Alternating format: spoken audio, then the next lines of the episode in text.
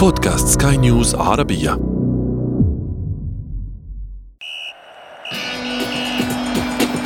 أثير الكرة.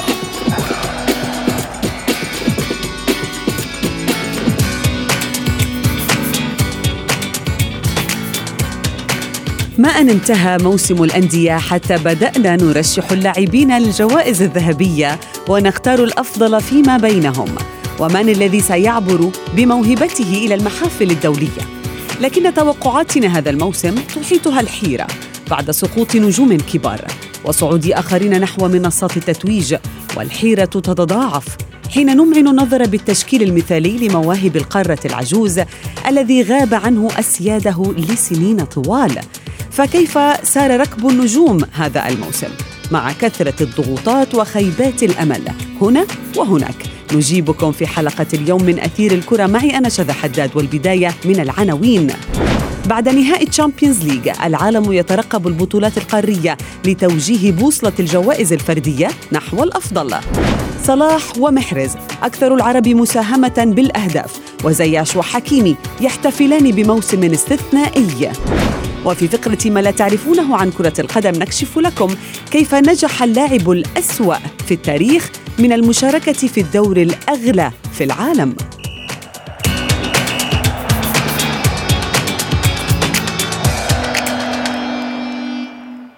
أهلا ومرحبا بكم مستمعينا الكرام أينما كنتم في حلقة جديدة من أثير الكرة وفيها نتحدث اليوم عن موسم نجوم أوروبا. وكيف صنعوا مجدهم بما قدموه مع أنديتهم حتى الآن. ومن تعتقد بأنه الأفضل فيما بينهم بعد موسم استثنائي على كافة الأصعدة.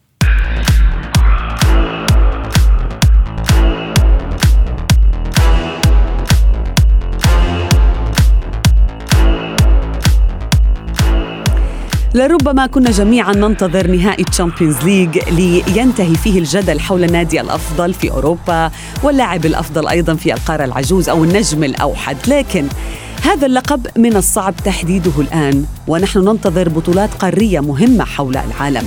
وعندما أعلن اليويفا عن التشكيلة المثالية لدوري أبطال أوروبا وجدنا مجموعة من النجوم جلسوا على دكة البدلاء وكان هناك مشاركة عربية وحيدة. فكيف يمكن أن نصف ما يجري؟ يجيبكم محمد عبد السلام في تقرير التالي بصوت أحمد الآغا. قد تصفه بموسم سقوط النجوم بعد المفاجآت غير السارة التي ضربت عمالقة اللعبة وأبعدتهم عن منصات التتويج الأحب إلى قلوبهم. وقد تصفه أيضا بثورة كبار أوروبا التي وضعت القارة العجوز في فوضى عارمة. لم يعد فيها نجم واحد يحصد الأخضر واليابس وإنما تبادل فيها الجميع الأدوار والجوائز والنتائج هي الفيصل في النهاية. موسم حمل معه الكثير من المفاجآت والأخبار لمشجعي عدد من الفرق الكبيرة التي ابتعدت عن الألقاب لسنوات عديدة. على رأسها إنتر ميلان الإيطالي وأتلتيكو مدريد الإسباني وليل الفرنسي. لكن اللافت أكثر هو ما صنعه الأفراد لخدمة تاريخهم. والحديث يقودنا هنا إلى لاعبين لاحقتهم عدسات الكاميرا في الملاعب بسبب إنجازاتهم الفردية. فبعد ختام دوري أبطال أوروبا وتتويج تشيلسي باللقب بصم اللاعب إنجولو كانتي على مستويات رائعة رفقة فريقه الإنجليزي. وبات الجميع يرشح الدولي الفرنسي للتتويج بالكرة الذهبية. نظرا لقلة المنافسين بنفس المستوى الذي يقدمه كانتي في خط الوسط حيث حقق جائزة رجل المباراة أربع مرات من قبل. الأمر الذي يجعله يتصدر قائمة المرشحين للتتويج بالبالون دور. لكن المنافسة هذا العام لم تنتهي بعد رغم إسدال الستار على بطولات الأندية حيث تنتظرنا بطولة اليورو 2020 وكوبا أمريكا اللتين تحملان الكثير من المعطيات التي ستوجه بوصلة جوائز اللاعبين هذا العام نحو الأحق بانتزاعها. ويتساءل الكثيرون منا أين النجوم العرب من الجوائز العالمية؟ خصوصا بعد التألق اللافت لهم وحصدهم للألقاب مع أنديتهم. ما رفع أسهمهم وجعلهم تحت رادار العمالقة في القارة العجوز. ففي إيطاليا ساهم النجم المغربي أشرف حكيمي في تتويج إنتر ميلان بلقب الكالتشيو. وفي إنجلترا يدين بطل البريمير ليج فريق مانشستر سيتي بالكثير للنجم الجزائري رياض محرز. ولا ينكر أحد بصمات المغربي المتوج مع البلوز بلقب تشامبيونز ليج. حكيم زياش الذي سرعان ما تأقلم مع ناد كبير في الدوري الأغلى في العالم. إنجازات اللاعبين العرب في الدوريات الأوروبية الكبرى هذا الموسم لم تتوقف عند حصد الألقاب. إنما شاهدنا الثلاثي المغربي يوسف نصيري ومنير حدادي وياسين بونو. في إشبيليا الإسبانية وكيف حازوا على احترام الجميع بسبب تألقهم اللافت هذا الموسم. كما شاهدنا أيضا مهاجم ليفربول محمد صلاح وهو ينافس على لقب هداف البريمير ليج للمرة الثالثة له حتى آخر مباراة في الموسم. قبل أن يخسرها بفارق هدف لصالح هاري كين من توتنهام. ومع دخول الموسم القاري واقتراب بطولات أمم أوروبا وكوبا أمريكا والتصفيات المؤهلة لكأس العالم هل ستقول هذه المحافل الدولية كلمتها في التتويجات الفردية هذا العام؟ وهل سنرى النجوم العرب ينافسون عليها بقوة كما نافسوا مع أنديتهم على الألقاب الجماعية؟ أثير الكرة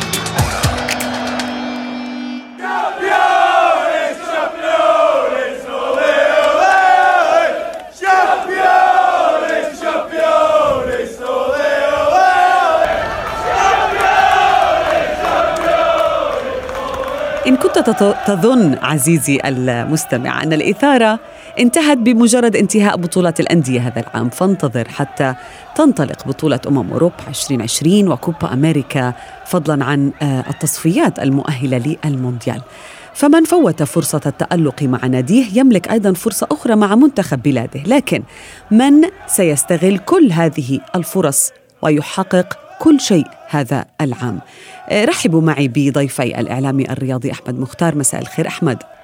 مساء الخير. أهلا بك. أهلا بك. وأيضا ينضم إلي الإعلامي الرياضي بلال فواز. بلال أهلا بك.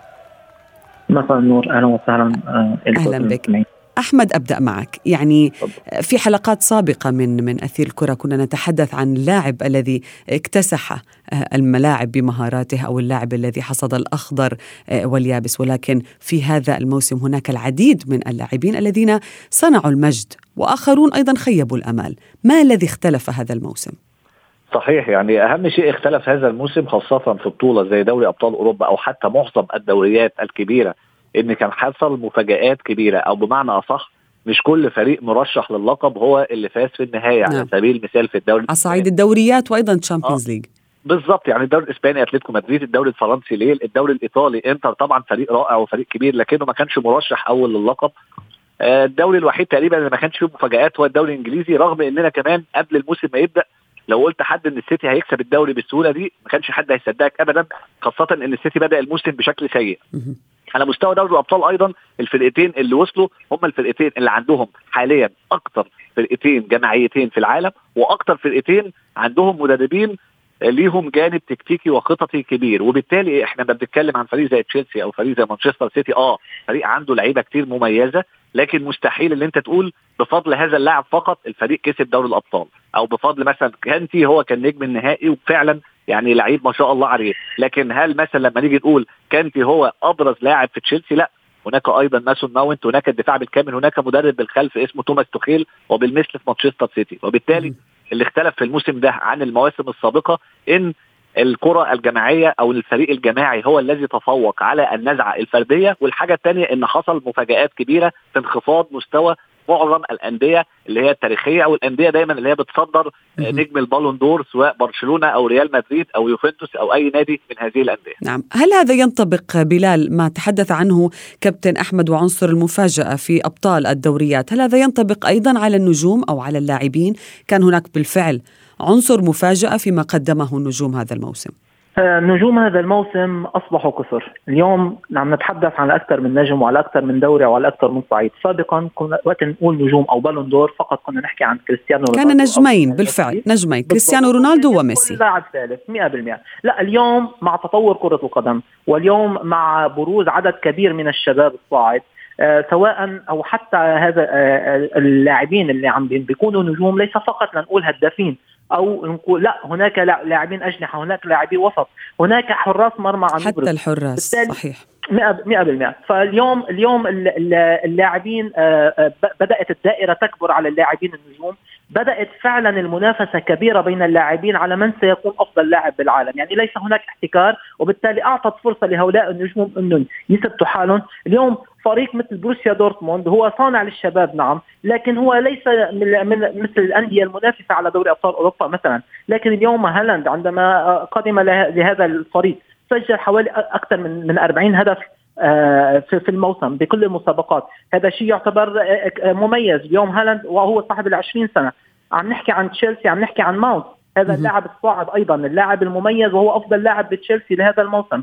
آه كمان يدخل ضمن اللاعبين الشباب واللاعبين اللي عم بينافسوا بقوة على على على الجائزة على الجوائز الفردية حتى. نعم. هناك العديد من اللاعبين الشباب آه بدأت آه اسمائهم آه يعني بدأت اسمائهم تكون واضحة بسماء الكرة العالمية وما سيكون في دوري أو بطولة دوري أو بطولة أمم أوروبا أو كوبا أمريكا سيزيد هؤلاء اللاعبين. بالتالي الموسم القادم سنرى منافسة أكبر وسنرى لاعبين أكثر يدخلوا ضمن دائرة آه، أو قد يكون لربما مواصلة لهذا الموسم. ولكن كابتن أحمد هناك مفارقة غريبة هذا الموسم.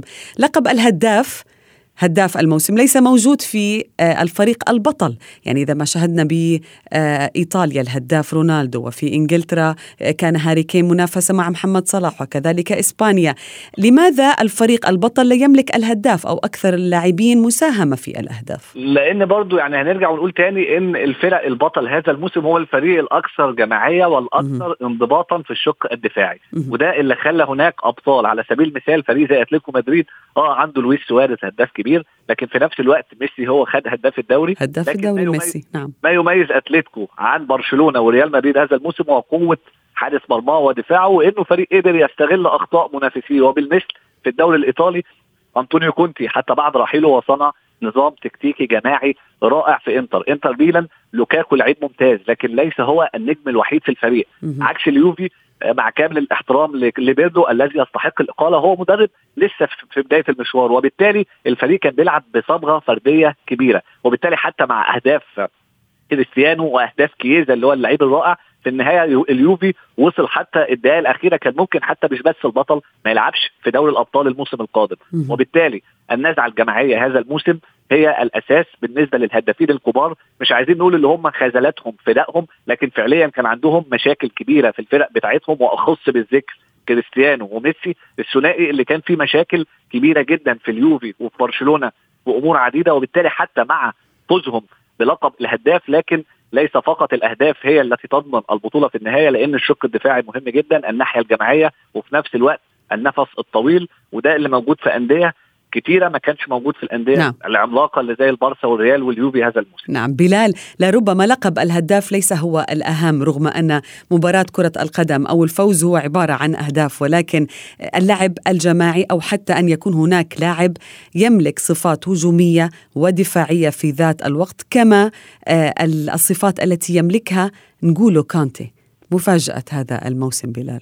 آه نقولوا كانتي آه يمكن كنا عم نحكي تحت الهواء شباب. نعم. إذا بدنا نجي لديك الكثير للحديث عنه بشأن كانتي إذا بدنا نجي نفرض إذا بدنا نجي نفرض عن عن هذا اللاعب تحديدا آه، رح يكون هناك الكلام الكثير. لكن يكفي أن نقول أن هذا اللاعب اليوم الذي هو العالم كله يتحدث عنه الكل بيعرف بداياته وكيف بدأ بفريق هواة وكمان خبرتيني كان ممكن على وشك توقيع مع فريق أولمبيك اسفي المغربي ولم آه، رفضوه يمكن. لكن بدأ بفريق هواة انتقل بعد إلى فريق درجة ثانية بالدوري الفرنسي من بعد لانيس إلى ان انتقل إلى ليستر. واكتشفه رانييري وحقق مع ليستر الدوري الإنجليزي وكان المفاجأة. إلى أن وصل يعني كل هذه كل هذه الأمور حدثت بحوالي خمس أو ست سنوات. إلى أن وصل إلى نهايه Champions League الفوز بهذا اللقب اليوم الغالي. اليوم نتحدث اليوم نتحدث عنه كهو أفضل اللاعبين بالعالم.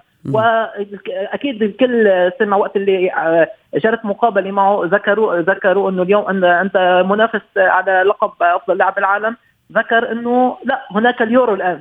فاليوم اليورو بالتالي آه، نغولو كانتي هذا اللاعب الرئة الثالث يملك فرقة ثالثة يعني حتى سمعنا الحديث على ال social media بعد مباراة ريال مدريد بالدور نصف النهائي مباراة الإياب. يعني انتهت المباراة وخرج نغولو كانتي ركضا للخارج. يعني بعد خلصت المباراة وبعده عم يركض هذا اللاعب. ببين لك قديش قديش قدرة بدنية عالية. قدرة بدنية كبيرة ذكاء تكتيكي كبير. يعني آه يعني آه هذا المدرب يعتمد عليه يكون كقائد للفريق على أرض الملعب. يملك الذكاء التكتيكي الكبير يملك السرعة وقاد أيضا قادر على تعطيل مفاتيح اللعب بشكل مميز. يعني فعلا رئة ثالثة على أرض الملعب. لاعب آه لاعب يعني كل مدرب يتمنى أن يكون لديه لاعب مثل انجولو كانتي. آه يذكرنا يذكرنا بالعديد من اللاعبين. يعني يذكرنا باللاعب لاعب ريال مدريد السابق آه ماكيليلي. بالإضافة إلى بعض اللاعبين الآخرين. يعني يمتلك الذكاء يمتلك القوة البدنية وفعلا نغولو كانتي آه مكسب لأي مدرب. آه توماس توخيل أعاد إحياء اللاعب نغولو كانتي من جديد. هو مفاجأة ليست قديمة ولكنها يعني تتجدد لربما مع توماس توخيل كما ذكرت بلال. ولكن كان أحمد لامبارد مدرب عندما كان لامبارد مدرب لتشيلسي كان نغولو كانتي ببعض المطارح سيخرج من تشيلسي. كمان. طيب. أحمد هل تؤيد بأنه ممكن أنه اليورو كما ذكر بلال ممكن أن يحدد بالفعل نجومية كانتي أو يسلط الضوء عليها أكثر؟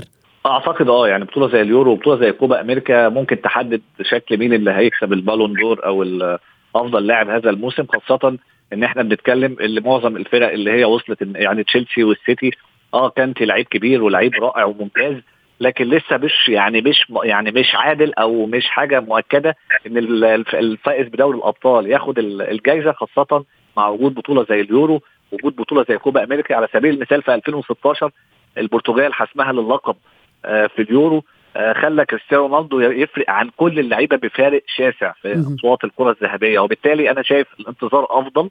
فكرة بطوله الانتظار بما يحدث في بطولة اليوم. ولكن يملك الفرصة كانتي في وجود المنتخب الفرنسي أكيد عودة كريم بنزيما ومبابي. يعني هناك بعض العناصر التي قد تساعد كانتي على التتويج باللقب. فرنسا يعني مرشح فوق العادة فرنسا البرتغال وفرق أخرى مرشحة. وبالتالي فعلا لو فرنسا كسبت البطولة وكانتي استمر بهذا الأداء المشرف والرائع أعتقد ساعتها ليه لأ؟ يبقى كانتي هو أفضل لاعب. وأعتقد حتى تبقى منطقية ويعني جديدة بعض الشيء اللي إحنا نطلع عن فكرة الهدافين يعني حتى بعد ميسي رونالدو اللي كسب جائزه البالون دور أو الأفضل لاعب السنة اللي فاتت كان ليفاندوفسكي بعد إلغاء الكرة الذهبية. وبالتالي هو في النهاية أيضا مهاجم وهداف. لذلك في حال استمرار كانتي على مستواه في بطولة اليورو وفوز فرنسا هتبقى شيء لطيف وشيء جديد ورائع إن لاعب خط وسط خط وسط دفاعي هو اللي يكسب الجائزه نعم. وأعتقد ساعتها هتكون انتصار للكورة يعني. مش حاجة تزعل حد. لا يمل الحديث عن كانتي ولكن يعني مضطرة إني أنتقل إلى موسم النجوم العرب بلال.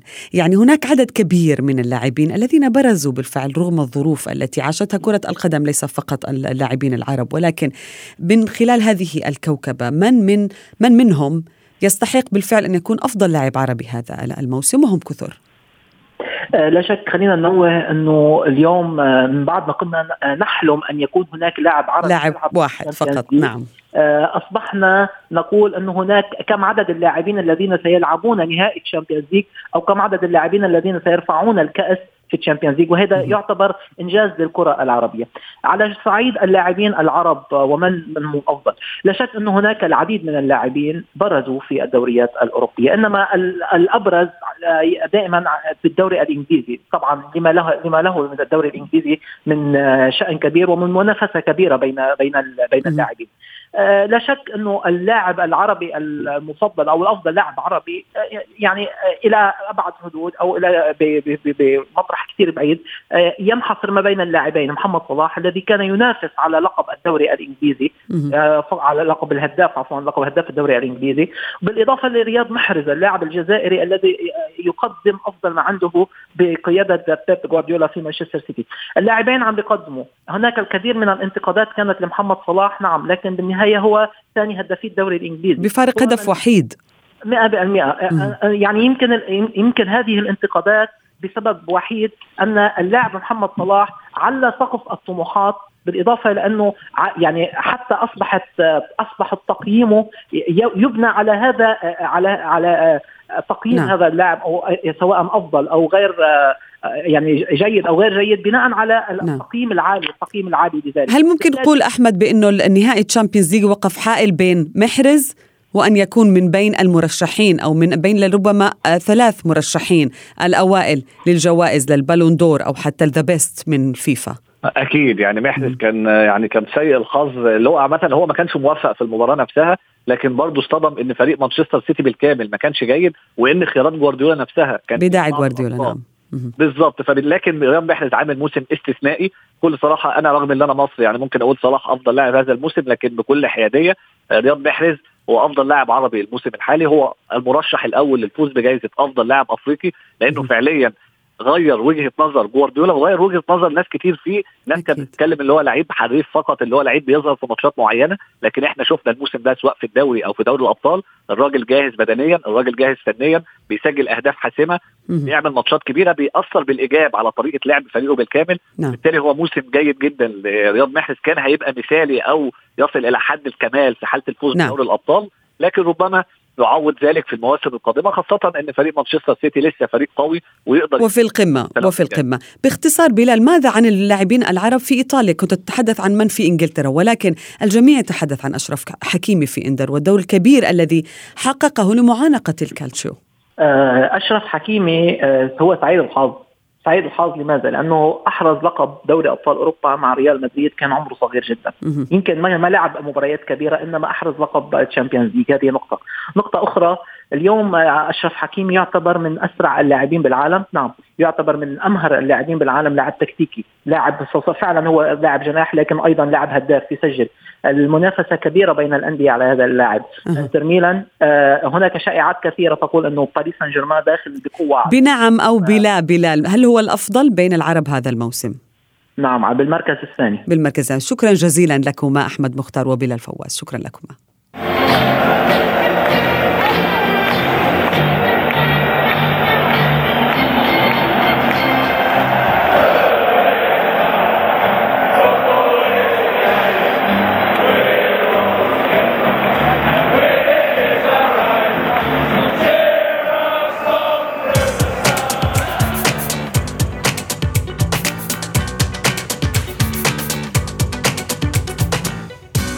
مع انتهاء الدوريات تبدأ آه، شائعات الانتقالات تتوضح أكثر لدينا ويتحول بعضها إلى حقيقة بينما تبقى أخرى في إطار الشائعات، لكن ما حصل عام 96 لا يدرج إلا تحت خانة النصب والاحتيال. وفي فقرة ما لا تعرفونه عن كرة القدم نكشف لكم ماذا جرى. ففي الميركاتو الصيفي من ذلك العام فقد فريق ساوثامبتون الإنجليزي العديد من اللاعبين بداعي الإصابة.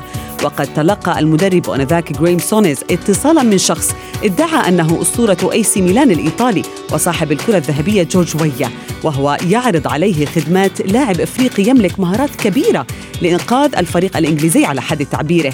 وبالفعل وقع مدرب ساوثامبتون في الفخ. وجلب اللاعب علي دية دون التحقق من تاريخ هذا اللاعب واثقا طبعا بجورج ويا. وفي إحدى المباريات أجبر المدرب على إشراك اللاعب السنغالي ليكشف الغطاء عنه عندما قدم أسوأ أداء ممكن مجبرا المدرب على استبداله بعد نصف ساعة فقط من نزوله الملعب. ليتضح بعد ذلك أن المتصل ليس جورج ويا وإنما محتال. أقنع النادي بالتوقيع مع ابن عمه واعتذر طبعا المدير الفني لنادي ساوثامبتون لجماهير الفريق على هذه الغلطة الكبيرة. وصلنا مستمعينا الكرام إلى نهاية حلقتنا ولكن موعدنا يتجدد في حلقة جديدة. هذه تحياتي أنا شذى حداد. إلى اللقاء.